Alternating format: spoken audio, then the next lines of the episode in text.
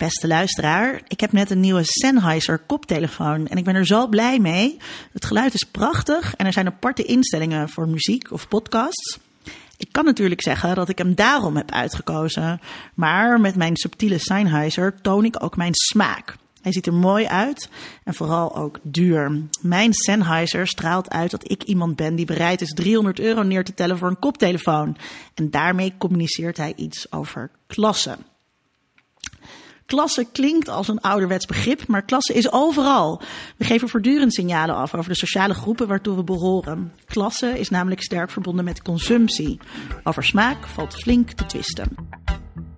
Dit programma wordt mede mogelijk gemaakt door Amsterdam University Press.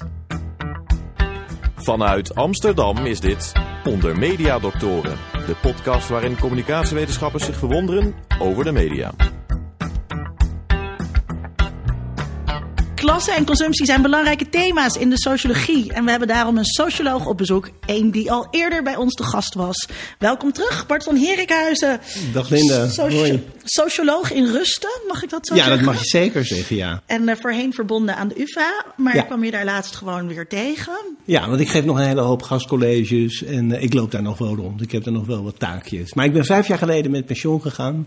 En eh, formeel heb ik niks meer met de UvA te maken. Ja, maar, maar, maar, je, maar je bent er dus nog gelukkig nog wel te spotten. Informeel des te Goed meer. Ook aan tafel natuurlijk mijn vaste mede-mediadokter, Dr. Vincent Kronen. Zoals altijd getooid in een jasje. Wat zegt dat over jouw klassenpositie, Vincent? Nou ja, ik, ik zou willen. Ik, ik voel steeds de neiging om als eerste te zeggen: ja, wat is handig, want dan kan ik ook mijn telefoon in doen en allemaal praktische redenen. Maar dat zou natuurlijk gewoon een bittere leugen zijn. Want dat heeft natuurlijk wel degelijk te maken ook met dat je er iets mee wil vertellen dat je een jasje aan hebt. Ik weet dat mijn vader altijd zegt van ja, nee, als je het nodig hebt om dat soort kleren aan te doen, dan, dan ben je eigenlijk niet goed.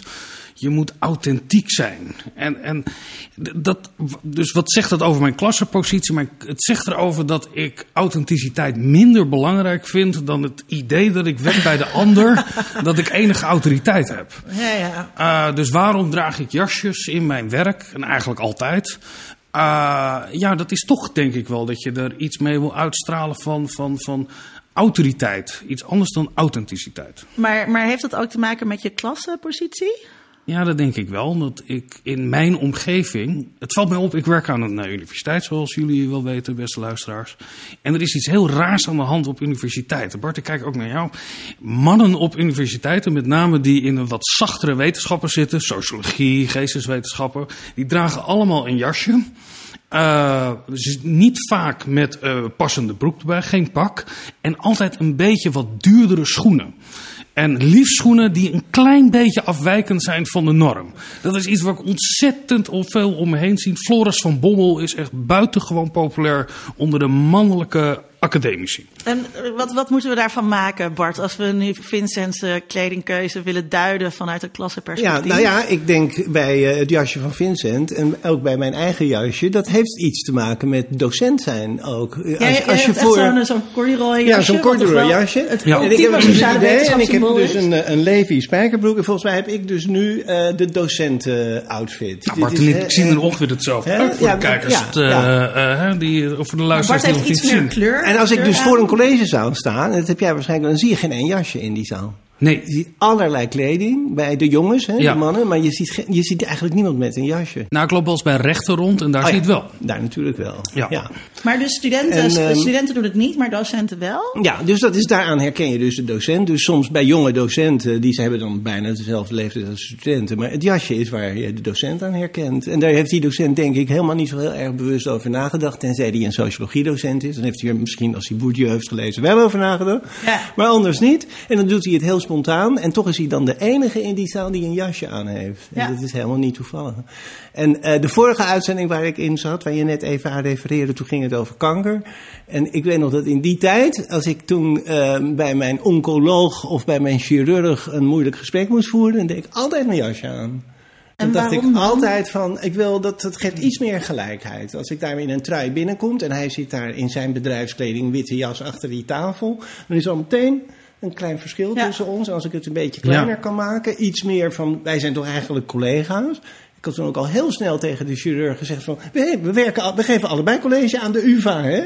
dan heb je meteen... Om dat klassenverschil te Om, verkleinen. om dat te verkleinen, ja. Ja. Dus en dit was natuurlijk een ander soort hiërarchie van de arts en de patiënt. En van de, de, de knappe topchirurg en de socioloog. Dat is toch wel een beetje... En de knappe socioloog. En, dankjewel Linda.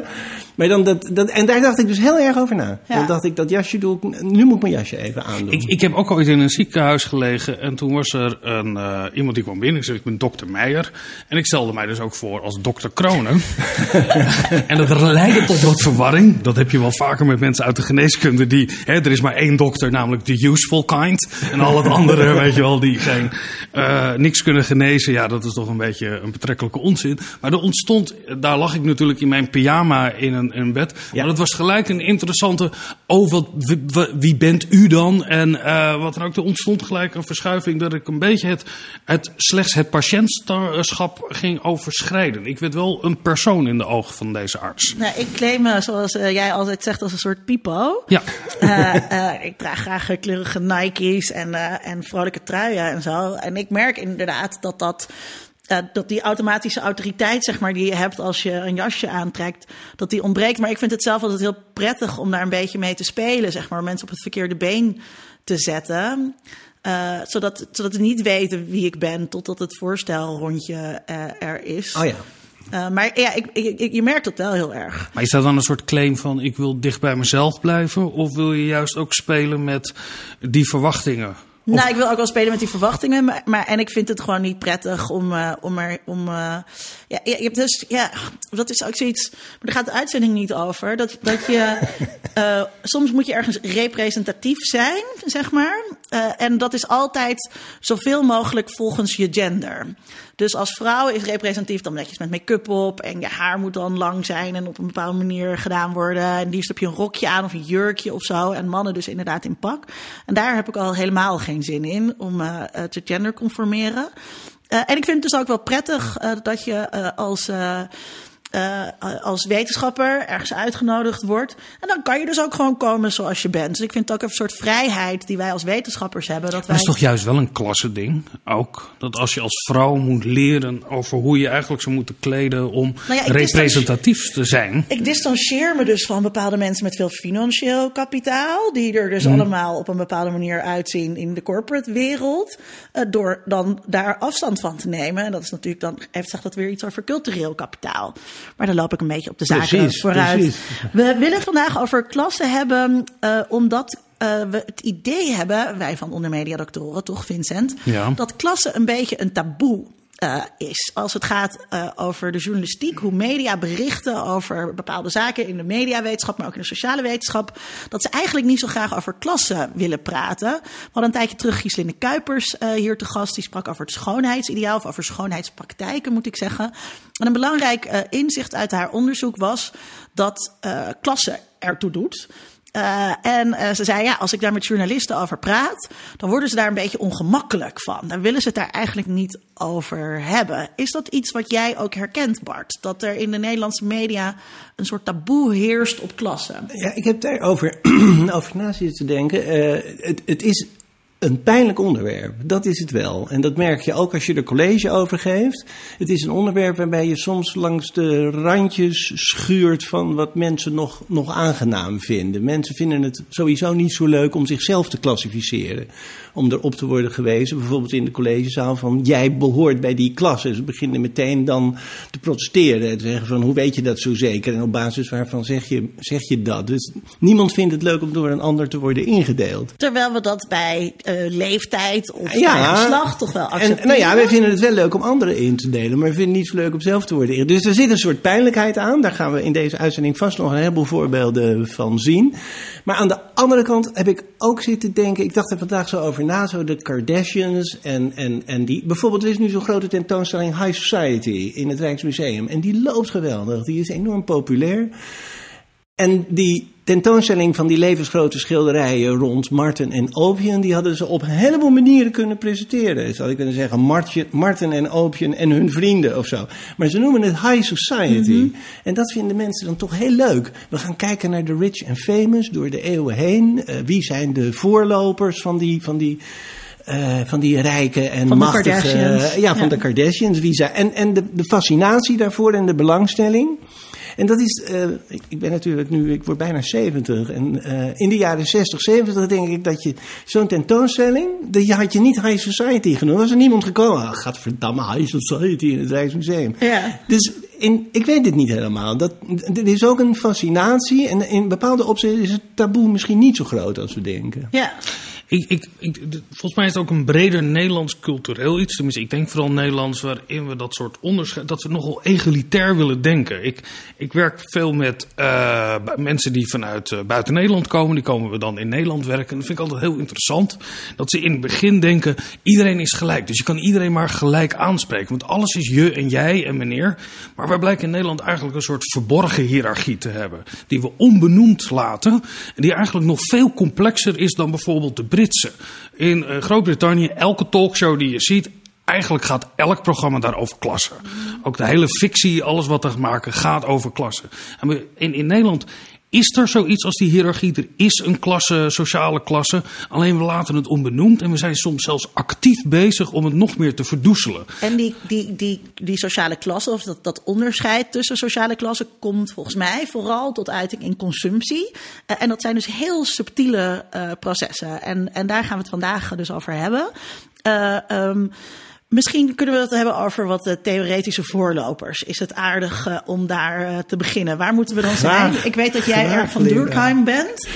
Uh, ja, nou ja, um, de opmerking die jij nou net maakt, doet me meteen aan Tocqueville denken. Tocqueville, die in de 19e eeuw door Amerika reisde, het democratische Amerika, en die als Franse edelman werkelijk verbaasd was over dat mensen zeiden van... Uh, hoi Alex, uh, hoe gaat het met je? En dat hij helemaal niet met die e-, egaars werd behandeld die die in Parijs eh, gewend was. Dat was heel gewoon. Dat was een meneer, een hele belangrijke, rijke meneer. En daar werd, werd met, met, met veel egaard. En, in Amerika, en dat vond hij dus wel heel interessant en ook heel erg leuk. En daar schrijft hij dus uh, op, een, op een hele open manier over, maar ook verbaasd. En hij zegt dat hoort bij het democratisch ethos van die Amerikanen.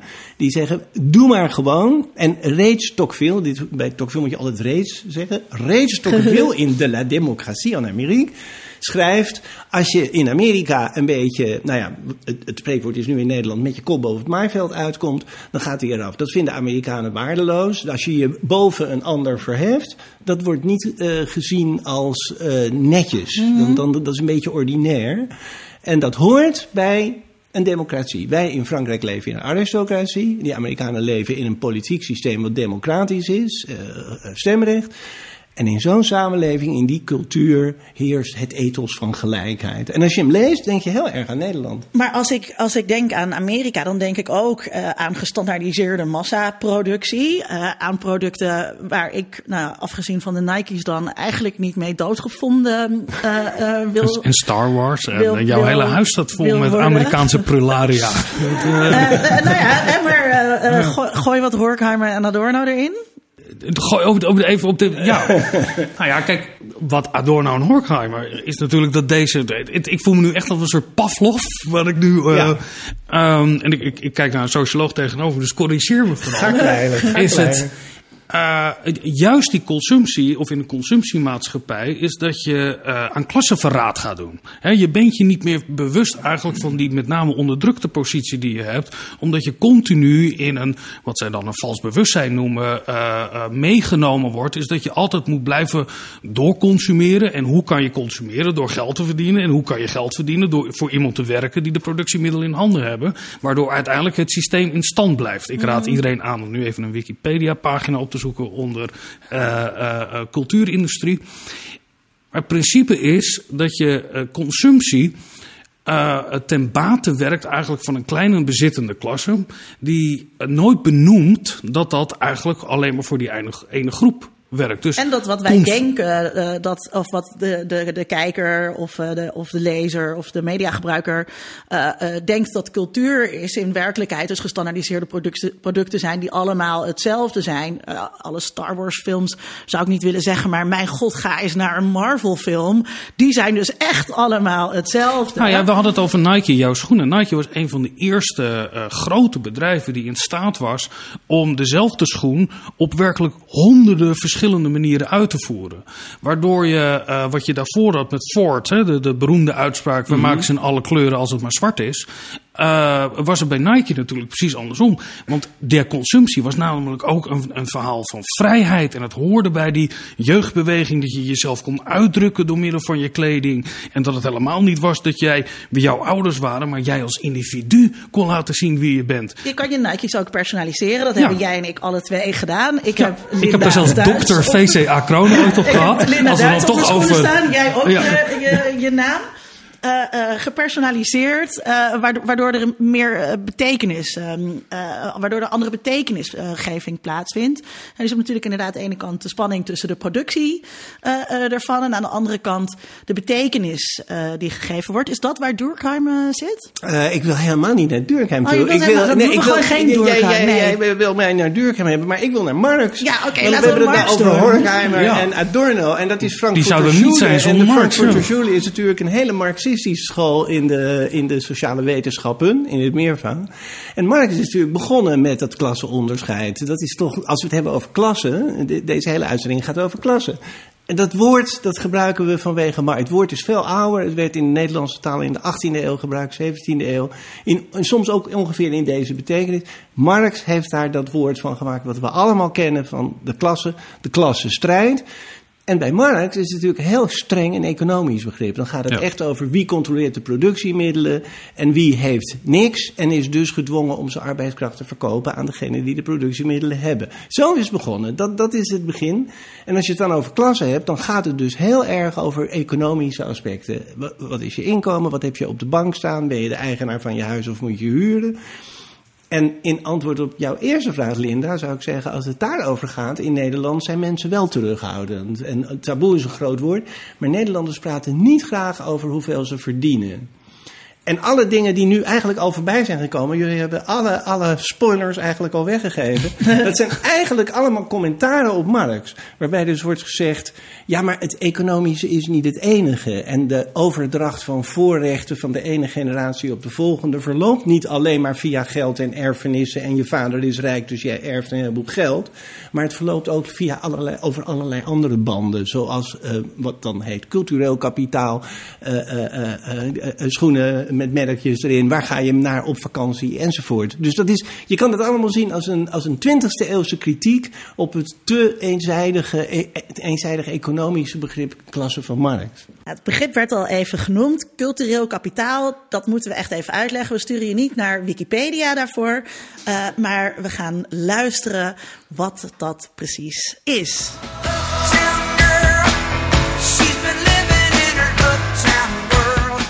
Pierre Félix Bourdieu was een Franse antropoloog, filosoof en socioloog. Hij stamde af van een arbeidersfamilie. Ondanks dat zijn vader zelf geen opleiding had voltooid, stimuleerde hij Bourdieu het meeste uit zijn studie te halen. Dat hoefde Bourdieu geen twee keer te zeggen. Hij studeerde filosofie aan een van de meest prestigieuze universiteiten van Frankrijk, de École Normale Supérieure in Parijs, onder invloedrijke marxist Louis Althusser. Bourdieu geldt als een van de grootste sociologen van de 20e eeuw en hield zich voornamelijk bezig met machtsverhoudingen in de maatschappij. Sociologie zag Bourdieu als een soort vechtsport, iets dat de onderliggende structuren van het sociale leven blootstelt en kritisch benadert en zo een grote invloed heeft op het academische veld. In tegenstelling tot het toen conventionele marxisme, dat hoofdzakelijk stoelt op economisch kapitaal, geloofde Bourdieu dat individuen op waarde geschat kunnen worden door de som van een economisch, sociaal, symbolisch en cultureel kapitaal. Hoe meer de som aan totaal kapitaal is, hoe machtiger die persoon is. Maar ook afkomst speelt mee bij het vergaren van rijkdom. Zo zal iemand die in een rijk gezin geboren is sneller toegang hebben tot middelen dan iemand die uit een arm gezin komt. Hij introduceerde het concept cultureel kapitaal als antwoord op de vraag waarom sommige mensen het wel maken en anderen niet. Zijn concept van cultureel kapitaal verwijst naar het geheel van kennis, vaardigheden en gebruiken waarmee sociale privileges verworven of behouden kunnen worden. Door dit te delen met anderen ontstaat een collectieve identiteit. Bourdieu benadrukt echter ook dat ditzelfde kapitaal een grote bron van sociale ongelijkheid kan vormen. Doordat bepaalde vormen van cultureel kapitaal meer gewaardeerd worden dan andere, ontstaat er ongelijkheid. Volgens Bourdieu bestaat cultureel kapitaal uit drie vormen: het belichaamde, het geobjectiveerde en het geïnstitutionaliseerde. Welk accent iemand heeft of welk dialect iemand spreekt is een voorbeeld van de belichaamde vorm van cultureel kapitaal, terwijl een nieuwe luxe auto een voorbeeld is van geobjectiveerd cultureel kapitaal. In zijn geïnstitutionaliseerde vorm verwijst cultureel kapitaal naar referenties en kwalificaties, zoals diploma's of titels, die culturele autoriteit en bevoegdheid aantonen.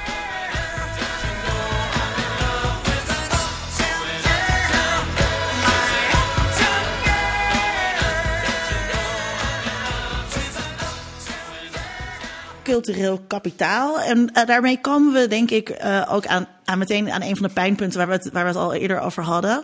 Uh, het gaat over ongelijkheid. En wij willen natuurlijk eigenlijk helemaal geen ongelijkheid. Is dat een pijnpuntje? nou ja, dat weet ik niet. Wie, wie zegt dat? Ja. Er, er, zijn, er zijn dus mensen die zeggen dat is toch heel oneerlijk dat de voorsprong van de ouders wordt overgedragen als voorsprong van de kinderen. Los van wat, welke talenten ze werkelijk hebben. En als je daar tegen bent, dan streef je naar een meritocratische samenleving. waarin iedereen wordt beloond naar zijn kwaliteiten en niet naar uh, de afkomst van zijn ouders. En dan ervaar je dat als onrechtvaardig. Nou, is er, is er, wordt er wel aardig wat gedaan om, uh, uh, om die economische overdrachten tegen te gaan? Uh, met het belastingssysteem proberen we dat natuurlijk te doen. met het schoolsysteem proberen we dat te doen. Vincent Jij geeft af en toe nog les bij media en cultuur. Dat is toch een opleiding met veel studenten. Die niet allemaal uit de bovenklasse komen. En dan zie je, tenminste dat zie ik. je hebt studenten die dan mogen studeren voor het eerst.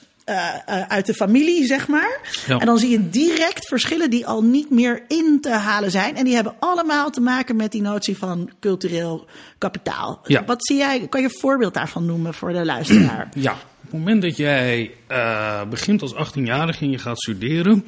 En als je 18 bent, dan moet je maar eens afvragen. Toen jij thuis kwam en jouw ouders vroegen: Heb je je studiepunten gehaald? Dan kom je waarschijnlijk uit een wat lagere sociale klasse dan als je ouders vroegen: Waar ging het over?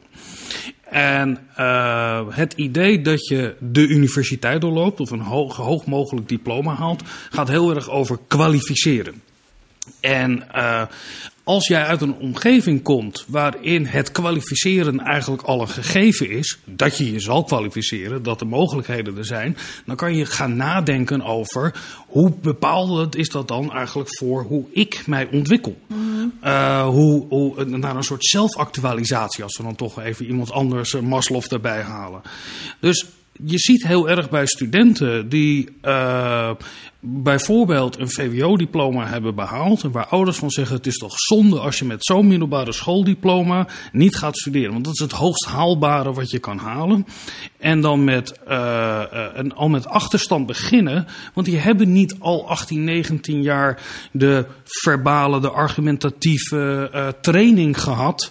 Uh, waarop basis waarvan ze het goed kunnen doen op een universiteit. Eén aanvulling er nog op. Er is een heel mooi onderzoek. Je hebt van die kinderen die, uh, ik hoorde dat laatst. Uh, dan is er zomervakantie. Dan heb je kinderen die komen na de zomervakantie terug en is een taalniveau achteruit gegaan. En bij andere kinderen is het taalniveau vooruit gegaan.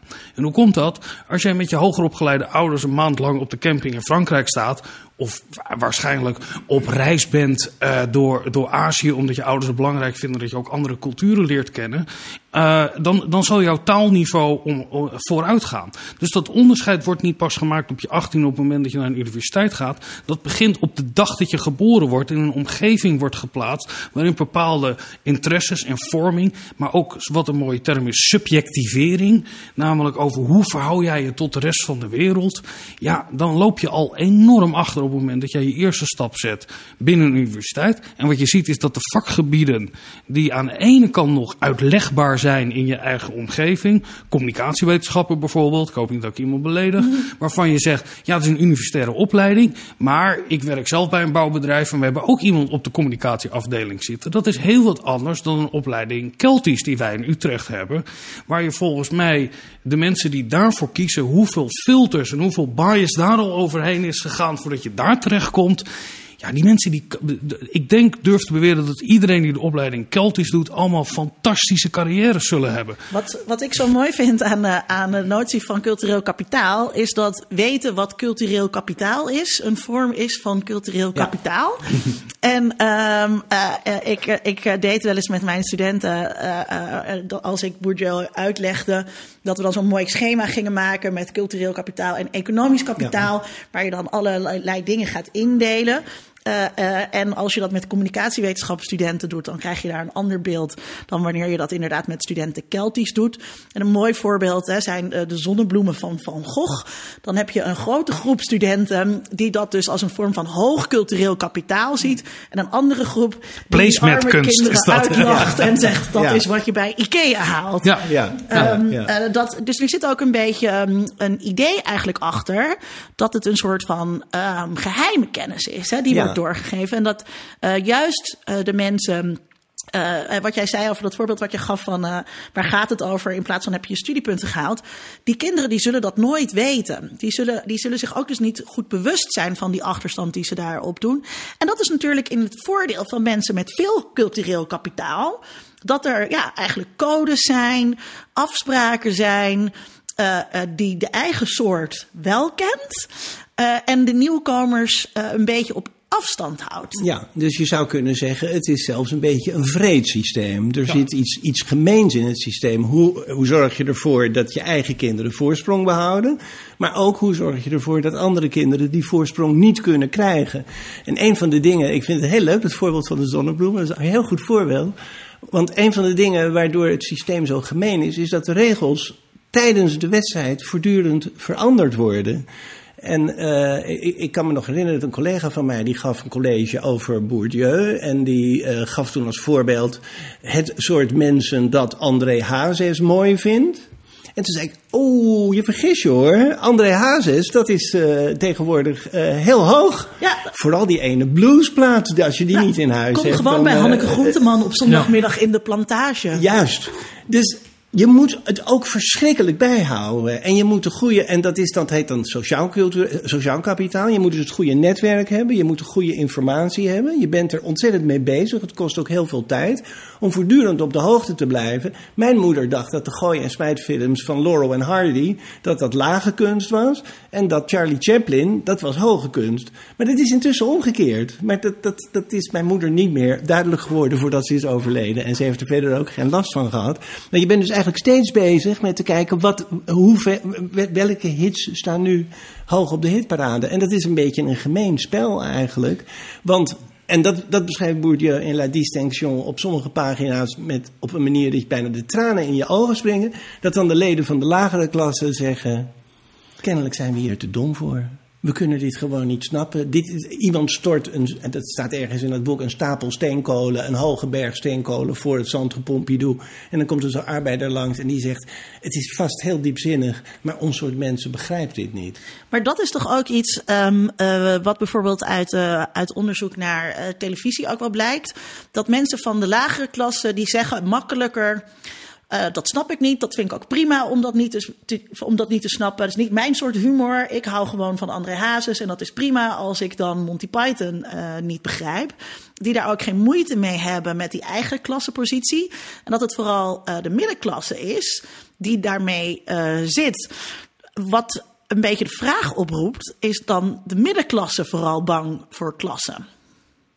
Ja, want kijk, veel uh, mensen in de middenklasse, nu gaan wij heel erg generaliseren natuurlijk. De middenklasse is niet een één homogene groep, daar nee, kan je uh, variaties in aanbrengen. Maar als je in de middenklasse zit, dan heb je altijd de angst dat je terugvalt naar een lagere klasse. Dus je moet altijd, uh, zeker bij de eerste generatie middenklasse, die moet heel erg blijven bewijzen dat jij daar toegang toe blijft behouden tot die klasse. Uh, dus dan zie je ook bij de middenklasse, ik vind een heel mooi voorbeeld, zijn mensen die zich ook heel erg voor alles verzekeren. Daar heel graag veel geld aan uitgeven, langer termijn planning hebben voor zekerheden en ook weinig risico's nemen.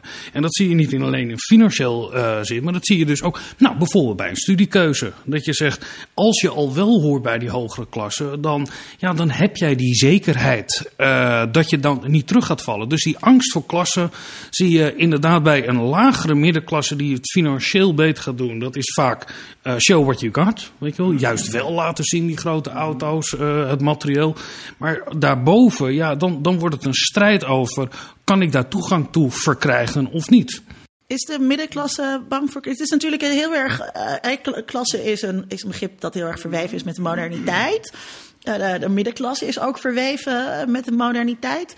Hadden we uh, in de, Ik heb begrepen ooit, ik meen van Lisbeth van Zonen, dat er eigenlijk geen onderscheid was aan het Hof tussen volkscultuur en, en, en hofse cultuur. Mm dat waren dezelfde dingen die daar kwamen spelen. Je ziet het ook nog wel in films als Shakespeare in Love. Zie je dat een beetje terug, dat zowel de adel uh, als het plebs naar die toneelstukken ging mm -hmm. kijken. En dat dat onderscheid pas is gekomen uh, tussen hoge cultuur en populaire cultuur met het ontstaan van die middenklasse. Nou kijk, ik denk dat in onze huidige samenleving dat de manier waarop de klassen zich van elkaar onderscheiden heel erg over de culturele band loopt. Ook omdat er. Kijk, een van de mechanismen waarmee uh, uh, voorsprong wordt overgedragen van de ene generatie naar de andere. En dat is toch ook waar we het heel erg over hebben. Dit is, het gaat hier over sociale ongelijkheid. die over generaties heen gaat. Die, die, die blijft bestaan ook bij de kinderen van de ouders die een voorsprong hadden. En dat verloopt onder andere door endogamie. Je trouwt binnen je eigen klasse. En, en elk sociologisch onderzoek laat dat telkens weer zien. Nee, de prins trouwt niet met het bedelmeisje. Mensen trouwen binnen hun eigen klasse. Dat voelt veilig en vertrouwd. En hoe werkt dat nou? Hoe zorg je er nou voor dat, dat laten we zeggen, je bent upper middelklas en, en dat meisje van die upper middelklas, dat die bij elkaar komen? Die vragen niet aan elkaar wanneer ze in de balie hebben afgesproken, hoeveel verdient je vader? Die zitten daar samen in dat café en dan zegt die ene tegen die andere: Weet je wat ik zo mooi vind? De sonates van Scarlatti. En het, het, gaat er al aan vooraf. Hè? Dus op het moment dat je op een dating site uh, uh, zit, dan moet je eerst natuurlijk al je favoriete films en dat soort dingen aangeven. Maar ook het feit dat je ervoor kiest om bij de balie af te spreken. Dat zegt, dat Precies. zegt nogal wat. Precies, ja. dus de afspraak, dus de plek van de afspraak, de muziek. De, je zegt, ja nee, vorige week was ik hier in de balie. Nog een hele mooie film van Dicht naar Zinken. Hele leuke film. Het kaasplankje dat je daar gaat eten. Nou, dan, uh, dan, dan, dan weet dus de... An en, dan, en dan komen ze thuis en dan zeggen ze, wauw, het klikte. Maar wat klikt er nou precies? Dat is dat je elkaars klassenpositie hebt afgetast en dat je hebt gezien van, oh nou, dat past aardig bij elkaar. Dus je hebt geen woord gesproken over hoeveel verdient jouw vader, naar welke school ben je gegaan. Al die dingen die hebben geen rol gespeeld, maar je weet zelfs heel precies. Niet alleen maar elkaars klassenpositie, maar sub-sub-subklassenpositie heb je eigenlijk al zitten aftasten, maar op een indirecte manier. Ja, ja het, is geïnternali het, het, het is geïnternaliseerd. Het is ook niet een, een, een, hele bewuste keuze die je maakt. Nou, dit is de, natuurlijk het mooie woordje habitus van, ja. van, van Bourdieu. Dat, dat je, dus, het is een manier van naar de wereld kijken, van ordenen, van klassificeren, van, van associëren, die je meteen bij elkaar herkent. En als, je dat niet, en als dat niet aansluit, dan heb je dus ook geen klik. Dus dan zeg je na die avond, nou ik weet niet, ik snapte niet goed waar dat over ging. Die man begint over Scarlatti en nooit van, is dat een, een of andere maffiabaas of zo. Dan is het ook meteen voorbij. En ik mooi wat Gieselinde aangaf. En, en daar heb ik later nog echt over na moeten denken. Ik ben bang dat ze gelijk heeft. Dat als je geconfronteerd wordt met andere smaakvoorkeuren daar kan je niet neutraal in zijn. Daar, het is mij niet mogelijk om iets dat ik echt vind behoren tot een lagere klasse, daar me overheen te zetten om dat als een soort gelijkheid te ervaren. En niet zelfs ideeën te hebben van dat is vies, of dat is ordinair, of dat is dom, of allemaal kwalificaties die ik schaam me er ergens voor zo diep in mijzelf zitten om dat te vinden. En dat ergens ook op het moment, bij die, nu ga ik een bekentenis doen, die mensen dat ook een beetje kwalijk nemen. Dat ze een verkeerde smaak hebben. Dat ze uit dat de je, lagere klasse dat je, Ja, maar dat je iets mooi vindt dat gewoon echt niet mooi is. Heb je dat zelf niet door? Dat maar je, er als je is de, natuurlijk niet, niets uh, wat objectief mooi ja, ga, is. ik ga nooit nog eens een open deur in schoppen. Dat, tuurlijk is dat niet zo. Maar het voelt zo diep verinnerlijkt als ik iemand met allemaal gouden kettingen zie rondlopen. Uh, uh, op een niet-ironische manier. Op een, ja, en, en niet-ironische manier. Uh, in, in de, of iemand die met een hummer door de PC Hoofdstraat rijdt. Daar kan ik niet bij denken van... Goh, als jij het leuk vindt om een grotere auto te hebben... omdat je graag veilig bent. Nee, ik denk gelijk, dat is een klootzak. En dat is een immoreel mens, denk ik dan. en dat heeft hij zelf niet door. En dat heeft hij zelf, en dat heeft hij zelf niet door. Nou, maar wat ik dus zo interessant vind, is dat. eh, om daar toch op terug te komen, dat dus heel veel mensen in de lagere klasse dat ook niet erg vinden. Dat die denken: fuck jou met je cultureel kapitaal waar ik niks van begrijp. Ik vind dit gewoon een mooie auto. Eh, en dat is natuurlijk ook hè, dat verschil. Dat is misschien nog wel wat het je bozer maakt. Dat, als het, Dat als ze het niet een- uitmaakt, ja. Nee, dan dat ze wel veel financieel kapitaal hebben. Dat als ze ook nog gewoon arm waren, ook in financiële zin arm waren geweest. En niet alleen maar lijden aan geestelijke armoede in jouw ogen. Dat het dan erger, dat het dan erger Nou, is. je, je ziet twee mechanismes dat op je je Kanye inwerken. West erger vindt Ja. ehm, eh, dan, een, dan een bouwvakker die gewoon eh, in Amsterdam-Noord woont. Nee, het zit hem niet in het financiële. En die je Dat- nooit hoeft te zien ook. Nee, daar zit het niet in. Maar dat je, dat je dan dat ermee doet misschien wel. Je ziet het bij eh, mensen Dat je die... je geld uitgeeft aan dingen die... Nee, maar je ziet het bij mensen die per ongeluk rijk zijn geworden. Wij noemden dat vroeger in Zeist altijd de rijk geworden patatboer. Ja. En dat was echt het allerergste wat je Die mensen die bereiken altijd een punt dat ze na het grote financiële kapitaal dat ze vergaard hebben, eh, dan gaan ze opeens eh, de mecenas uithangen. Dan willen ze kunst gaan hebben. Ik geloof net dat de familie Blokker eh, zijn kunst beschikbaar heeft gesteld. Joop van den Ende, die wil natuurlijk na jarenlang pretfabriek te zijn ook die erkenning hebben door geld eraan te geven. Dus je ziet dat er van een onderop een heel erge drang is om naar boven te gaan. Maar vreemd genoeg zie je ook bij de hogere klassen dat eh, bijvoorbeeld klassieke muziek. Ik, hoeveel projecten zijn er wel niet geweest om eh, klassieke muziek onder de aandacht te brengen van jonge mensen? Dat het heel mooi is om naar de opera, concertgebouw en wat dan ook. on- Continu. Deze week zag ik het weer. We moeten Puccini in de opera. Want het is zo. Puccini was eigenlijk een rockster. Want hij had heel veel vrouwen en drugs en wat dan ook. Continu maar dat soort projecten. Want daarin zie je ook dat die hogere klassen eh, die, eh, no- no- wel die legitimiteit moeten hebben van die hogere klassen. Alle kinderen moeten nu naar het Rijksmuseum. Dat kijk, is, ver- kijk, dat kijk is ver- het focus willen verheffen. dat is verplicht, ja. Dat wil wat zeggen over dat die klasse die dat in stand houdt... ook ten eerste de politieke middelen heeft om dit voor elkaar te krijgen. Dat dat belangrijk is. Maar het is niet alleen, je moet er één keer naartoe... om te zien dat je er inderdaad niets van snapt. en dat je daar niets mee hebt. En dat is even heel erg duidelijk gemaakt. hè. Eh, Het is in your face. Eh, eh, dat je dat, die ervaring daar moet hebben. Maar ben je, het daarmee, ben je het daarmee eens? Nou, ik zit een beetje na te denken over André Rieu. André Rieu brengt klassieke muziek naar heel veel mensen die dat verschrikkelijk leuk vinden. En die Hij hebben enorm we uitgebreid over gesproken in Ja. onze Ja? aflevering over Ja. populaire cultuur in de regio. Met Irene Stengs. Maar bij André Over Rieu is mooi te zien... Dat eh, die, die, die stukken die jij, die, die, Ja. eh, eh, die kunnen dus ook gelijk niet meer. Die walsen die gespeeld worden, die, voor André Rieu had dat misschien nog wel een plek gehad bij de gerenommeerde orkest. Maar als een orkest nu het André Rieu eh, eh, repertoire gaat doen, Ja, nou ja, hij speelt in zijn, in zijn concerten zitten vaak ook hele, hele bekende, mooie klassieke stukjes. Een stukje Haydn, eh, een stukje Bach, dat, stopt hij er ook in. En dat vinden mensen dus ook prachtig. Maar om de een of andere reden zit jij je daar toch waarschijnlijk dan kapot aan te ergeren. En dat, dat is wel interessant. Kijk, Nou, er ja, zitten, maar dat- ja, maar in- in- je had ook in de jaren 60 had je toch een Music for the Millions en James Last, die ook allemaal wel melodieën gebruikten. Pas maar op, Vincent. Die James Last, die komt weer helemaal nu... eh, die is heel hip. Ja, nee, dat- dat- is dat- heel dat- cool.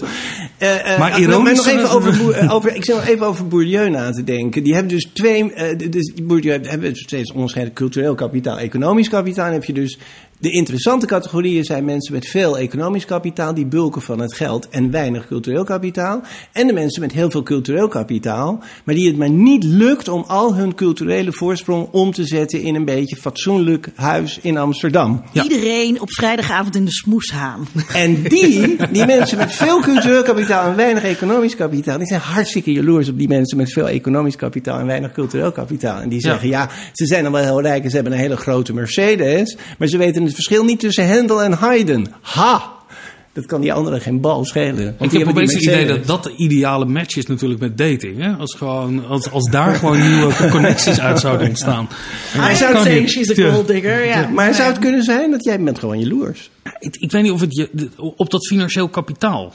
Eh, Het geeft veel Vincent vrijheid. is tamelijk rijk hoor. Dat Nou, is ook wel iets om te weten. Nee, ja, maar wel zelfverworven mag ik zeggen. Trouwens, rijk.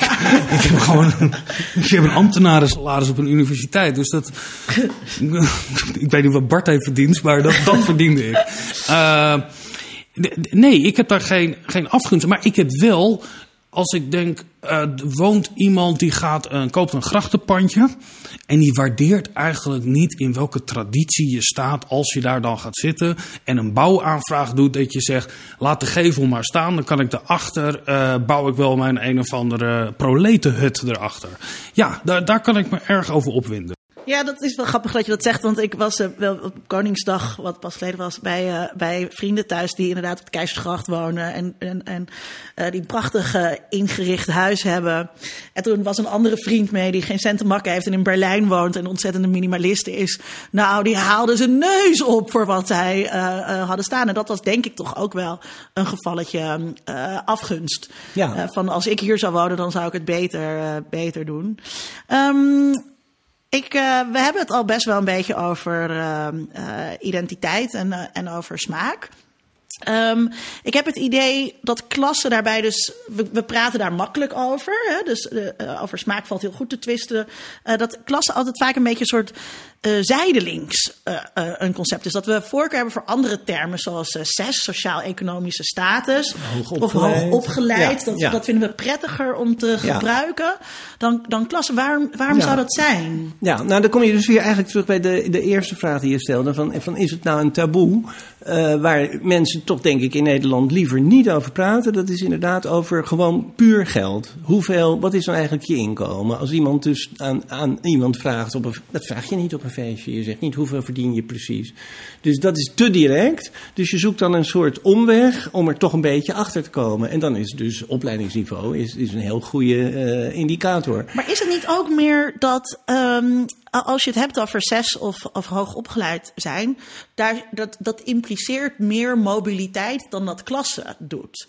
Want je kunt makkelijk van laag opgeleid naar hoog opgeleid gaan. Of minstens, dat gaat helemaal niet zo makkelijk. Maar er zijn mensen die die weg bewandelen. Eh, dus dat, dat, dat vinden we dan minder erg, omdat het veronderstelt dat het niet zo exclusief is als waar wij het nu de hele tijd over hebben. Ja, nou, ik denk dus toch dat En er iets staan. zit in de Nederlandse cultuur, meer in de Nederlandse cultuur dan bijvoorbeeld in de Franse, eh, iets egalitairs. En eh het is dan altijd heel gebruikelijk om meteen te, maar te beginnen over eh, het Calvinisme en zo. Maar misschien is het toch een beetje zo. Ik, er is een, Johann Sebastian Bach, groot componist, mooie muziek. Die heeft een kantate geschreven. Voor de die luisteraar die heet- dat niet hè, wist. Ja, nee, wij, wij, wij Bach-liefhebbers. Ja, ja, ja, bij. Bourdieu is dat is het hoogste. Hè? Een muzikalische offer, dat is echt de top. Maar die heeft een kantate gemaakt. eh, eh, eh, wie weer er het weert, der zal erniedrigt werden. Wie zich, wie zich, sorry, zo is het. Wie zich zelfs erheut, der zal erniedrigt werden. Wie zichzelf verhoogt. Dit hadden we En eigenlijk heel snobistisch moeten corrigeren in het Duits. Want had- dat had is jij natuurlijk ook een teken. En dat zit dus heel erg in dat Calvinisme. Je moet je niet boven een ander verheffen. Dus als ik zeg, ik heb lang gestudeerd, ik heb erg mijn best gedaan, ik heb een hoger eh, eh, eh, opleidingsniveau bereikt dan jij, dan zegt die ander misschien van, ja, nou ja, oké, dan had ik er, ik, op een gegeven moment had ik gewoon zin om geld te gaan verdienen. Dat geeft niet. Maar dus als je je voorstaat op een, hoger, eh, een hogere bankrekening, dat, dat is niet oké. Dus je, je moet het uitdrukken op een manier die eh, niet te zeer in strijd is met het egalitaire ethos. Kijk, wie heeft er belang bij om, om eh, klassen specifiek of, of expliciet te maken? Die weet ik. Mensen bovenaan eh, de hiërarchie hebben er geen belang bij dat anderen doorhebben dat zij bovenaan de hiërarchie staan. Ja, en als je onder in de hiërarchie staat, dan heb je. Kijk, mensen hebben de. eh, dat, ik geloof. De, de- de mensen die onder in de hiërarchie staan, hebben de rare neiging. om eigenlijk voorkeuren te hebben die niet behoort bij hun eigen klasse. Bijvoorbeeld, mensen die met een relatief laag inkomen zijn, kijk maar in de Verenigde Staten, zijn geneigd om voor lagere belastingen te zijn. Of voor minder overheidsbemoeienis. Terwijl dat helemaal niet in belang is van hun eigen klasse. En dat, Van dat- die mensen, je bedoelt van die mensen die op de VVD stemmen, die de dividendbelasting gewoon af gaat schaffen voor 1,4 miljard. En ondertussen kiezers hebben gelokt met ja, maar het paasfeest wordt bedreigd. Ja, maar mensen denken, ik wil, ik, als ik dan straks succesvol ben, financieel succesvol, dan wil ik, geen, dan wil ik niet heel veel uh, belasting gaan betalen. Ja, dat is, dat is, maar dat is toch heel duidelijk. Mensen, die mensen delen dezelfde over geld Ja. uh, als mensen die veel geld hebben. Dat is heel bekend ook wel van Trump-stemmers. Ja, dus de top uh, in, in de hiërarchie, die praten niet over. Die heeft er geen belang bij, want dan kan je alleen maar een uh, volksoproer krijgen die jouw spullen inneemt. En degene die daar niet bij horen, die denken en handelen vaak alsof ze er wel, alsof ze er nog niet horen. Maar dat en is ook waarom je als president van Amerika er, eruit moet zien als je eigen arme aanhangers. En dan draag je baseballpetjes en loop je op lelijke schoenen van de Walmart. En nou, laten we wel zijn, ik bedoel, Donald Trump ziet er natuurlijk gewoon uit als, als wat wij hier een rijk geworden patatboer zouden noemen. En, en uh, Mark Rutte uh, heel vaak als een tweedehands autoverkoper. Die, die, die, die laten dus ook eigenlijk geen cultureel kapitaal zien in hun consumptie. Ja, maar dan zijn er toch altijd weer voorbeelden waar ik me altijd over kapot Want juist hoe dat, dat kan. goud en die plavuizen en van zo'n Trump, Hoe kon is het dan- aller, Ja, allerlelijkste. Ja, hoe kon het dan dat Pim Fortuyn, die in alles het snobbische eh trachtte uit te dragen, natuurlijk ook een social climber, hè, het was gewoon iemand uit Velsen, geloof ik, eh, maar dat zo'n zo'n zo'n snobbische eh, dandy gezien werd als onze Pimmetje. Ik denk vanwege de islamhaat, maar dat is een ander onderwerp. Ehm we, Nou, ik denk dat Thierry Baudet, klein stapje denk ik, ehm, het, het salonveetje eh, wat, wat Thierry Baudet, het, eh, het maakt, hij maakt het wat chic. Thierry Baudet is een beetje de Van der Valk restaurant van de politiek. Namelijk, het, is ons, het is heel goedkoop, maar je hebt toch het idee dat je iets chics doet. Eh, en dat, dat, dat, hij gebruikt allemaal woorden. We weten niet precies wat het betekent. Oikofobisch of wat dan ook. De Latijn is ook eh, ontzettend slecht. eh, eh, Ja. Maar het, het heeft wel iets chiekers. Kijk, de PVV, dat is natuurlijk gewoon echt de Febo. En, maar hij weet daar dan een soort van de valk van te maken. Dus het is voor sommige mensen dan ook wel weer aantrekkelijk dat je daarmee een soort, soort, soort social climbing mee kan hebben. er zitten ontzettend veel eh, subtiliteiten eh, eh, in. Eh, en het interessante is dat we die heel goed kunnen lezen, al die subtiliteiten. Zeker als het gaat over het herkennen van de, van de eigen groep. Maar het is nog niet zo heel makkelijk om er sturing aan te geven. We hadden een interview. Hallo, ik ben eh, Rob Simon en ehm, ik werk voor Chasing the Hi-Hat. Wij zijn een Amsterdamse festivalorganisator en eh, van een aantal festivals, Oranje Bloesem met Koningsdag hebben we net gehad, eh, De Zon, eh Georgie's Wundergarten en ook dit jaar Commission Alter. En de afgelopen paar jaar zijn er ook, ook nog heel veel andere festivals geweest. Ze komen en gaan een beetje. Het Amsterdamse festivalleven is denk ik een van de meest diverse van, van, eh, van de wereld. Voor een relatief kleine stad is het echt bizar hoeveel eh, festivals er in Amsterdam zijn. Het is wel weer wat minder aan het worden de laatste paar jaar. Ehm, het is wel wat de, de echte, echte explosie van niche-evenementen eh, is denk ik wel weer een beetje voorbij. De afgelopen tien jaar was daar wel een soort van gouden tijd voor grote gevestigde commerciële bedrijven die hebben social media ook door. Die weten dat met, met heel veel geld te domineren. En de gemeente en de regels zijn ook weer strenger geworden, waardoor ook de financiële drempel om, om, om, om, om nieuwe festivals te beginnen weer een stuk hoger is komen liggen. Dus ehm, je ziet nu dat alles wat nu nieuw wordt opgezet, stiekem gewoon van een heel groot bedrijf is, zoals eh, de IDT-achtige partijen van de wereld als je, als je ook succesvol wilde zijn als, als organisator, dan, dan moest je heel erg eh, ergens voor staan de afgelopen jaar. Je moest echt, echt aanspreken op een bepaalde smaakstroming. Of, of het liefst echt zo, zo klein en zo niche mogelijk, zodat je echt, echt heel erg jezelf kon onderscheiden. Want, want daar, daar was men ook naar op zoek. Iedereen wilde gewoon heel erg bij iets horen en heel erg ook duidelijk hebben wat het precies was en, en waar het allemaal ook niet bij hoorde. Nou, de, de, grap is wel een beetje dat, dat die verschillen eh, tussen al die zeer uitgesproken festivals eigenlijk heel klein zijn. Want eh, het zijn bijna allemaal dancefestivals in Amsterdam eh, geweest die, die groot werden de afgelopen jaren. Het zijn zelfs, zelfs dance is nog een extreem breed, breed genre, maar het was bijna allemaal house en techno. Ehm, en, en als je het aan een, eh, weet ik veel, muziekwetenschapper zou vragen om, om die verschillende festivals met elkaar te vergelijken, dan zijn volgens mij de verschillen miniem. Maar voor de bezoekers waren ze enorm. Want ehm, ja, eh, meer de uh, pleinvrees house en de dekmantel house, wat voor Amsterdammers denk ik wel bekende festivalnamen zijn, dat is een wereld van verschil. Die mensen die ze willen niet op elkaars evenementen komen of naast elkaar staan op de dansvloer, terwijl het gewoon allebei house is.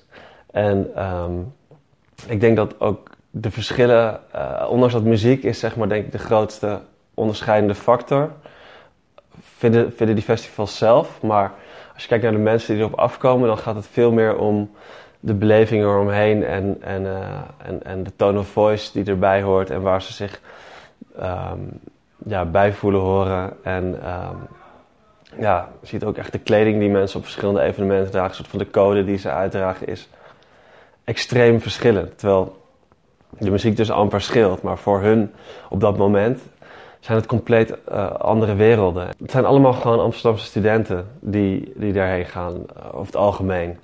Dus de achtergrond van de mensen, of, ja, dat, dat is vrijwel identiek. Het is, het is echt, het is allemaal best wel wit, het is allemaal best wel gewoon studenticoos. Ze komen allemaal uit heel Nederland in Amsterdam wonen. Er zit helemaal niet zo'n verschil tussen die, tussen, die mensen, maar zo, zo voelen ze dat wel en zo ervaren ze dat wel uiteindelijk is het gewoon een stukje code van muzieksmaak, kledingstijl, uh, taalgebruik, uh, andere voorkeuren die je hebt. Uh, weet je, de, de, de, clubs waar ze heen gaan, de kroegen waar ze heen gaan, de restaurants waar ze gaan eten. Je kan alles in, in zeg maar vakjes indelen bijna. Als je gewoon in alle dingen die, waar mensen in ieder geval in Amsterdam, jonge mensen hun vrije tijd mee vullen. Als je al die dingen sorteert, dan kan je volgens mij hele duidelijke patronen zien je moet er een bepaald gevoel voor hebben. We proberen wel veel mensen om ons heen te verzamelen die um, in ons team die wel uh, ja, gewoon daar een beetje grip op hebben. En uh, ik denk niet dat je dat zeg maar zo ergens kan lezen of achterhalen, maar je moet gewoon, uh, ja, gewoon onderdeel van uit blijven maken en uh, veel met mensen gewoon luisteren wat mensen zeggen en vinden en denken. En je, je kan het ook op social media bijvoorbeeld gewoon wel zien. Je ziet gewoon dezelfde mensen altijd in groepen bewegen naar, naar een nieuwe artiest of een nieuwe club of een nieuwe dit of een nieuwe dat. En nou als je daar dan dingen, bepaalde ja, patronen in herkent, kan je die natuurlijk ook weer inzetten en gebruiken om. Uh, het kan iets heel simpels zijn. Weet je. Op een gegeven moment, uh, misschien dat bij een bepaalde muziekstroming ook een bepaalde groep mensen hoort die wat bewuster wil, wil zijn. iedereen wil dat tegenwoordig, maar misschien deze groep nog net wat meer. Nou, dan ga je misschien ook met je catering op je festival geen vlees meer verkopen en dat ook uitdragen. Nou, je maakt dat soort keuzes. Als je die allemaal in één lijn krijgt, zeg maar, dat alles, alle sterren of alle planeten op één, één lijn liggen, dan, dan kan je die gevoelige snaar bij mensen raken. En dan gaat het balletje rollen en dan. en soms lukt het ook helemaal niet. Dan denk je dat je iets door hebt en dan sla je gewoon de plank helemaal mis bij ons vaak als we opportunistisch hebben geprobeerd iets nieuws uit de grond te stampen voor een hele grote groep mensen. Dat we dachten, oké, dit wordt nu echt populair. Dat is dan wel weer de keerzijde. Eh, van, daar, moeten we, daar moeten we op inspelen, dat is slim. Dan uh, gingen we kaart op ons bek. Het bleek toch wel gewoon dat je kan... Je, je moet er wel echt zelf ook een beetje gevoel voor hebben. Als je het zelf totaal niet leuk vindt of begrijpt, dan, dan, uh, dan is het echt heel moeilijk om, om, om echt te doorzien, uh, of in ieder geval beter te doorzien dan, dan je concurrenten, uh, welke, hoe, je, hoe je het helemaal in elkaar moet zetten om, om, om het zeg maar, gewoon echt een kloppend verhaal te maken. En het moet toch denk ik ook wel oprecht zijn voor de doelgroep. En als je er zeg maar zelf er geen onderdeel of totaal geen onderdeel van uitmaakt en je maakt dan een paar foute beslissingen waardoor het zeg maar, niet meer helemaal consistent is of geloofwaardig dan hebben ze dat meteen door. En dan, dan laten ze je ook gewoon vallen en dan, dan, uh, ja, dan, dan ben je commercieel. Want dan is het gewoon geknutseld en dat, dat, dat is niet, natuurlijk niet echt en daar willen ze niet bij horen. Dus dat, dat is dan wel, uh, ja, het blijft een puzzel. Ja, wat ik heel mooi vind uh, aan wat Rob Simon vertelt. dit is een wereld die ik in ieder geval heel goed ken, mm -hmm. de Amsterdamse festivalwereld. Ehm, waar eh, best wat geld in omgaat. Waar dus ontzettend subtiele eh, codes zijn. Die voor buitenstaanders dus niet eh, te lezen zijn. Maar, maar voor mensen daarbinnen ontzettend belangrijk zijn. En wat hij zei, hè, van, als je van dekmantel houdt, dan wil je echt niet bij pleinvrees staan. Want dat is toch echt een ander slag mensen. Dus het is een ver, ver, vergaande specificatie die Ja. daar plaatsvindt. Ja, ja. Nou, eh, sociologen hebben best veel onderzoek gedaan in de laatste jaren naar eh, muziek en eh, weer klassen. En het is helemaal niet meer zoals het was in de tijd dat Bourdieu zijn onderzoek deed in de jaren 60. We hadden het net over de muzikalische opvoer stond aan de top. Hè? En dan helemaal beneden had je Sylvie Vartan of zo, het is een Frans boek. En dan had je die Franse hele populaire zangers. En mensen die hielden van klassieke muziek, die keken daar diep op neer. En tegenwoordig zie je dat die scheidslijnen dwars door de muziek heen lopen. Dus dat je, je hebt uh, hoog en laag binnen soorten van jazz. Je hebt hoog en laag binnen soorten van salsa. En uh, nu zagen we een voorbeeld in dit fragment van iemand die zegt: uh, er, zijn, er zijn heel veel onderscheiden en verschillen en, en, en geledingen in aan te brengen. Maar hij beweert, maar dat weet jij beter dan ik, want ik ken die scenes niet, dat daar geen uh, uh, sociaal hiërarchisch onderscheid in zit. Dus het zijn allemaal studenten, ze zijn allemaal wit en ze zijn allemaal een beetje hetzelfde. Dus dat is het verschil niet. Het verschil, dat zijn de identiteiten die ze zoeken bij een gelijke klasseachtergrond. Maar dat, dat klinkt mij als kenner van het werk van Bourdieu bijna onwaarschijnlijk in de oren. Nou, ik zou zeggen dat daar, dat daar wel inderdaad subtiele klasse, klasseonderscheid in zit. Maar ik denk dat, dat, dat het dus juist mooi ook wel laat zien. Kijk, Rob heeft het heel erg over uh, klasse als een, als in demografische zin. Hè? Dus hij heeft het over een bepaalde groep die ongeveer uh, even rijk is, ongeveer dezelfde uh, opleiding, heeft, opleiding ja. heeft en enigszins dezelfde achtergrond heeft. in de zin dat ze allemaal zo'n beetje middenklasse ouders zullen hebben. Maar daarbinnen binnen die groep en juist zeg maar binnen die studentenleeftijd vindt er natuurlijk enorme diversificatie uh, uh, plaats. Op basis van smaak. En ja. ik zou toch wel zeggen: dekmantel, goede smaak. Pleinvrees, ik ga niet met jou trouwen. Ja. Juist. Dus we hebben het toch weer over partnerkeus. Terwijl, en, terwijl, uh, en, dat maakt het, en, ja, en dat maakt het zo interessant. Uh, dezelfde DJ's kunnen spelen op die festivals. Oh ja? Ja, maar dus het, ga, het gaat er ook echt om hoe is het uh, aangekleed? Waar hij het heel erg had over die tone of voice. Wat is de, de wat is de manier van aanspreken? Uh, wat voor eten uh, is er? dus het zit allemaal in veel subtielere dingen dan alleen nog maar in genre. En dat is wel. Ik ken dat onderzoek natuurlijk mm -hmm. ook wel. Dat, dat, dat onderzoek naar muzieksmaken, hiërarchieën en zo. En dan heb je de omnivoren en weet ik veel. Precies. Ja. Maar het is veel te generaliserend. Ja. Dus dus uh, sowieso is de tijd van muzieksubculturen natuurlijk al een tijdje voorbij. Hè, nou ja, je... nee dus. Als, wat, wat ik dus net zag was nee, dat er nee, binnen wel... zo'n subcultuur ja, weer twintig verschillende Nee, want vroeger had je een subcultuur en dan was je punk en dat was je de hele tijd. Ja. En je kon dan niet zeg maar de dag daarna uh, in één keer van disco houden. Ja. Dat was onmogelijk. Ja. Maar dat is, in die zin zijn die. die binnen zijn, deze verschillende. Jij kan wel een beetje switchen. Tegenwoordig kan je heel goed, uh, kan je heel goed switchen. En kan je de ene dag naar een dancefestival gaan en de en andere je dag ook naar andere een kleren festival. Nee, dan trek je niet zozeer uh, andere kleren aan. Je kan ook met dezelfde vrienden gaan. Uh, want dat is te simplistisch uh, geworden om die codes te lezen. En uiteindelijk gaat het denk ik altijd om, als we over dit soort onderscheid praten, hoeveel kapitaal, hoeveel kennis moet je ja. hebben om uh, te begrijpen wat echt hip is. Om te begrijpen wat echt bovenaan staat. Om te begrijpen wat echt uh, cool is. En dan gaat het dus over veel uh, ongr meer ongrijpbare dingen dan zoiets mm -hmm. simplistisch als je moet van deze zanger houden. Of je moet van deze serie houden. Uh, nee, je moet daarbinnen moet je de, het, het onderscheid uh, uh, kennen. En is het dus lastig voor aanbieders om precies die snaar te raken. En dat is ook wat hij zegt. Dat kan eigenlijk alleen maar als je er echt middenin zit. Dus ja, het is mooi dat hij, bedrijf, een, hij maakt een tegenstelling tussen authentiek en commercieel. Hè? Dus als het niet echt is of hij het niet echt doorvoelt. En dan, dan komt het vaak over, dan, dan wordt het vaag. En daar is Bourdieu denk ik al goed in. Dat, Alles wat dat, gemaakt is, gekunsteld ja. is, op het moment dat jij het probeert, mislukt het al. Ja, maar die, wat cultureel kapitaal dan is in wat hij zegt, is het vermogen om juist die subtiliteit, die complexiteit die er plaatsvindt binnen die groep, waar jij zelf een onderdeel van uitmaakt, wanneer je dat zelf hebt moeten ervaren, wat dat onderscheid is, dat je er dan alleen goed in kan bewegen. Sarah Thornton heeft dat mooi beschreven als subcultuur subcultureel eh, kapitaal afgeleid van, eh, van Bourdieu binnen, binnen muziek. eh, als het gaat over subculturen en eh, muziek, muziekgenres. Ehm, ik vond, hij had nog iets anders wat hij zei, wat ik wel interessant vond, waar we het denk ik ook even over moeten hebben als het gaat over klasse en consumptie. Eh, de duurzaamheidstrend. Eh, dat dat merk ik heel erg. Eh, ik ga tegenwoordig koop ik niks bijna meer bij de Albert Heijn. Dat kan gewoon eigenlijk niet meer. Dus ga je naar. Maar waarom doe je dat niet? Eh, omdat de Albert Heijn slecht is voor het milieu en afpersende deals heeft met bedrijven. Eh, dus ga ik naar de markt met een Q. Dat is ook een prettige winkel om te werken. Kom Waar je alleen een, maar met pin mag betalen. kom je nog een leuke jongen tegen die bij de vis eh, eh, eh, eh, staat. Die ook alles van die vis weet. Het is ook allemaal duurzaam gevangen. En kan vis. editen en op dit moment aan het schakelen is voor ons. Dit is echt een multifunctionele naar- duurzame naar, jongen. Naar, Ja. naar Tom.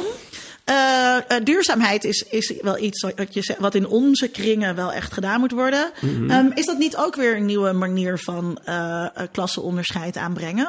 Nou ja, ik zei net, hier is veel onderzoek naar gedaan. En jij kende dat onderzoek, omnivoor. Hier is denk ik nog niet zoveel onderzoek naar gedaan. Dit is echt nieuw. Nu heb je het echt over ontwikkelingen die echt heel recent zijn. En het zou heel goed kunnen. Het is natuurlijk niet zo ver gezocht om te zeggen... de mensen die bij Markt met een Q kopen... die hebben wat meer te besteden dan de mensen die bij Dirk van den Broek kopen. Want Markt met een Q is ook tamelijk duur. En eh, dat is, dan eigenlijk zijn we weer terug bij Markt. Dan Dit is het programma heel wordt simpel niet onder- mogelijk gemaakt door Markt. Maar als Mark natuurlijk ons wil sponsoren, dan vinden we dat helemaal niet, eh, Maar, niet maar nou ja, ik zat dus ook. net te denken toen je het had over de, over de, de, de housemuziek. Dat, eh, we hebben het, deze uitzending eh, heel veel gehad over Bourdieu. En nu zie ik toch nog weer een mooie gelegenheid om even het sprongetje te maken naar Norbert Elias. Want het gaat hier natuurlijk heel erg over sensitiviteit, over gevoeligheid, over weten in welke situaties welke signalen opgepikt moeten worden en welke niet. En dat geldt dus voor die, voor die housemuziek, hè, voor die subscenes. Dat je denkt van, oh wacht even, nu zit ik daar en dat, dit, nu is dit gedrag gepast en die kleding en nu is dat gespreksonderwerp leuk. En dat geldt natuurlijk ook een beetje voor, eh, voor de manier waarop je je boodschappen doet. Dat je een soort gevoeligheid hebt van. Nou ja, misschien denk jij zelfs wel, ik wil liever gezien worden in de markt dan gezien worden in de Albert Heijn. Nou, ik, ik schaam me nog niet voor de Albert Heijn, maar mij, mij vind je echt Je niet een nog. Dirk. Maar je zegt Ja. nog.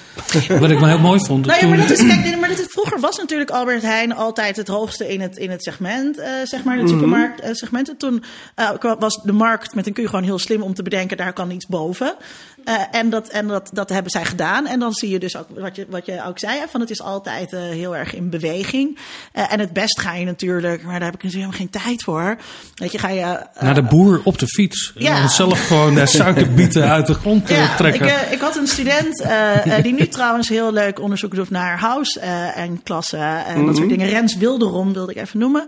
eh, die onderzoek heeft gedaan naar ehm, eh, eh, die bezorgdiensten. Dat je, dat, je dan, eh, dat, dat je dan per week boodschappen krijgt die je dan kan ja. koken die van de boer komen. Ja, wat, wat ik mooi van die duurzaamheid trend vind. eh, ik hoorde eh, al een tijd geleden kwamen de eerste auto's op de markt die hybride waren. Maar die liepen eigenlijk helemaal niet zo heel erg goed. Totdat Toyota de Prius op de markt bracht. En wat was nou het verschil tussen de Toyota Prius en alle andere auto's? Dat je aan het model kon zien dat het een hybride auto was. Het design is zo afwijkend van andere auto's dat iedereen dacht: hé, hey, dat is die auto die, eh, die hybride is. Toyota had ook een ander model die zowel in benzinemotor als een hybride eh, uitkwam en dat werkte niet. Al je consumptie gerelateerd aan klassen is natuurlijk zinloos als niemand het ziet, als het Ja. niet herkend wordt. Het ik blijkt- maak altijd, als ik een foto maak van mijn kaas, zorg ik wel dat er even duidelijk bij staat waar die kaas vandaan komt. Zonnepanelen blijken veel vaker aan de straatkant geplaatst te worden dan aan de achterkant van Ook als de huizen. zon daar nooit schijnt. Ook als daar minder zon staat. Want ja, wat heb je nou aan duurzaamheid als niemand ziet dat je duurzaam bent? We consumeren, eh, dus eh, eh, je kan zeggen, hè, door onze consumptie laten we zien wie we zijn. Ehm, ehm, maar het is veel sterker dan dat. Soms consumeren we ook omdat we willen laten zien wie we zijn. En die consumptie dus eigenlijk niet zo nodig eh, is. Ik zie wel een soort trend in het idee van het goed zijn. Eh, en dat vind ik wel een verandering ten opzichte van toen ik 18, 19 was. Dat het idee dat je zorgzaam bent voor elkaar, dat het, dat, het wat teerder is allemaal, dat je eh, eh, de, de aarde niet wil belasten met dingen, of dat je liever LP's hebt, weet je wel, in dat soort, soort hipster trends die je hebt, of dat je je eigen fiets, met het, allemaal, daar zit veel meer een soort, soort nou ja, bijna tederheid in dan toen ik 1920 was. Dat dat soort waarden toch eigenlijk eerder in een categorie van zwak of onzin. Maar klopt dat wel? Want jij tuttig. zei eh, over de jaren 60, 70. Mhm. eh, toen waren natuurlijk ook bijvoorbeeld. dat- was een heel marxistische tijd aan de universiteit. Mhm. kon ik me voorstellen.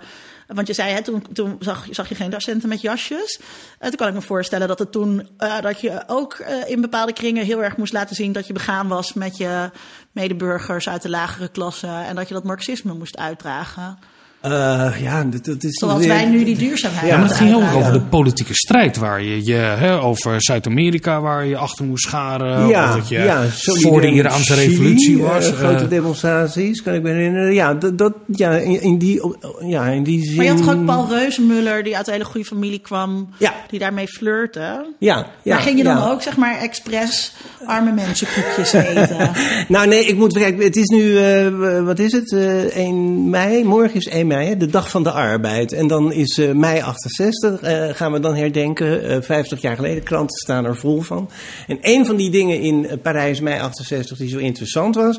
Dat is dat die studenten in een grote demonstratie naar de Renault-fabrieken gingen. die de arbeiders bezet hadden. En probeerden om met die eh, fabrieksarbeiders die, die die die fabriek nu zelf controleerden. om daarmee in gesprek te komen. Studenten en arbeiders één. En eh, er is een filmopname van. En dan zie je dat dat dus helemaal niet lukt.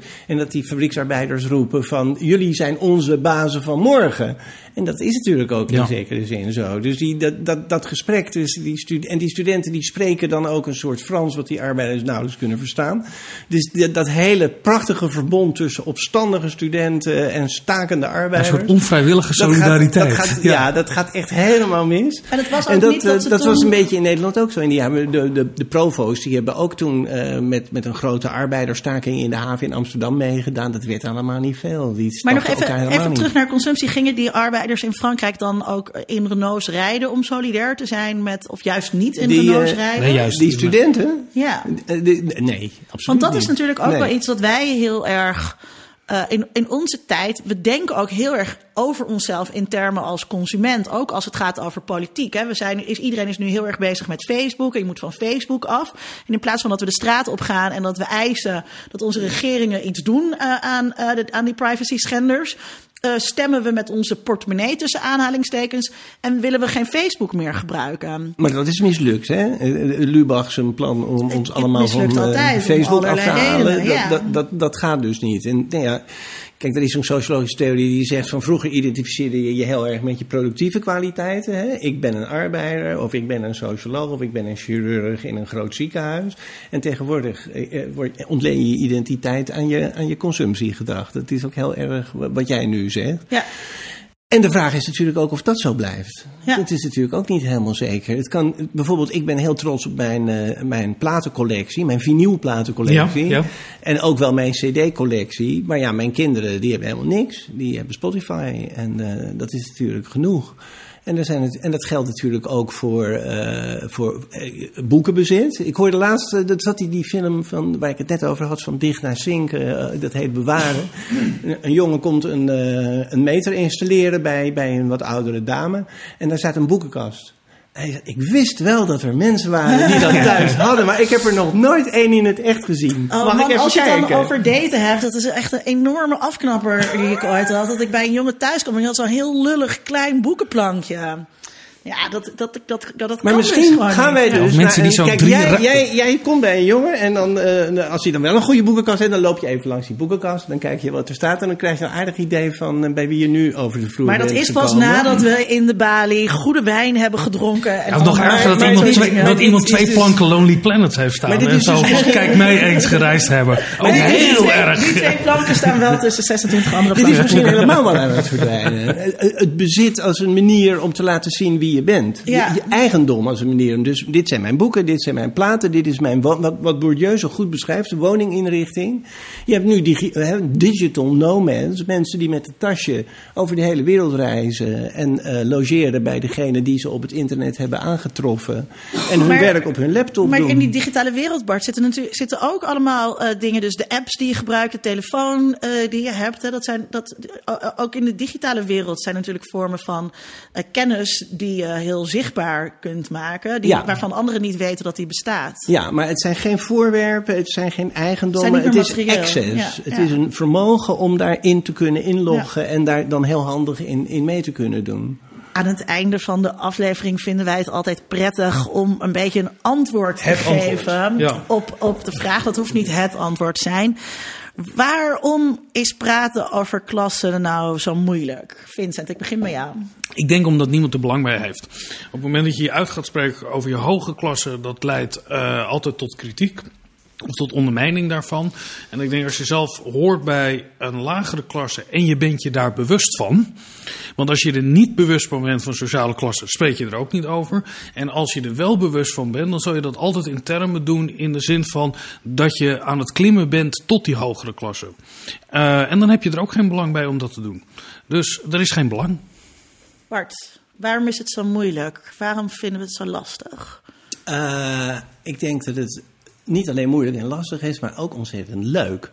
Als ik eh, colleges gaf, een jaar lang, over allemaal grote denkers. Het Bourdieu College, dat vond iedereen altijd het meest interessante college. Want dan kom je heel dichtbij en dan dwing je ook degene die daarnaar luisteren en de teksten overlezen... om ineens heel erg over zichzelf na te gaan denken. Om heel erg zelfreflexief te worden. De eerste zin, geloof ik, van het boek van Bourdieu, La Distinction, luidt, als het gaat over kwesties van smaak, nadert de sociologie de psychoanalyse. En mensen vinden het toch ook heel interessant om na te denken over wat beweegt mij eigenlijk en waar zitten de hoekjes van het sociale leven en van mijn eigen psychische leven waar ik niet al te vaak over nadenk en waar ik niet al te veel inzicht in heb. Dus het nadenken over deze vragen is niet alleen maar eng en spannend en moeilijk, maar het is ook heel erg leuk. Ja, als ik jullie antwoorden een beetje mag ehm, eh, eh, tot, synthesisch, synthese, tot, tot, tot een synthese mag maken. Dat is lekker uh, Hegeliaans marxistisch uh, pakken wij dit aan. Dan, Vincent, je had het over dat het concertgebouw dan weer een poging doet, zeg maar, om kunst aan de man te brengen. en op die manier um, de lagere klasse bij te betrekken zonder dat dat ooit gaat werken. Dan zou het veel effectiever zijn om op basisscholen al Bourdieu te geven en mensen bewust te maken van hoe dit systeem werkt. Uh, of je kan natuurlijk ook gewoon tegen mensen zeggen: luister deze podcast en leer er alles over. Dat maar dat je dan zegt: sp sp Splinter, je hebt nu al een onuigelijke voorsprong op, uh, op Danny. Dat, uh, ik ben heel benieuwd hoe dat eruit ziet.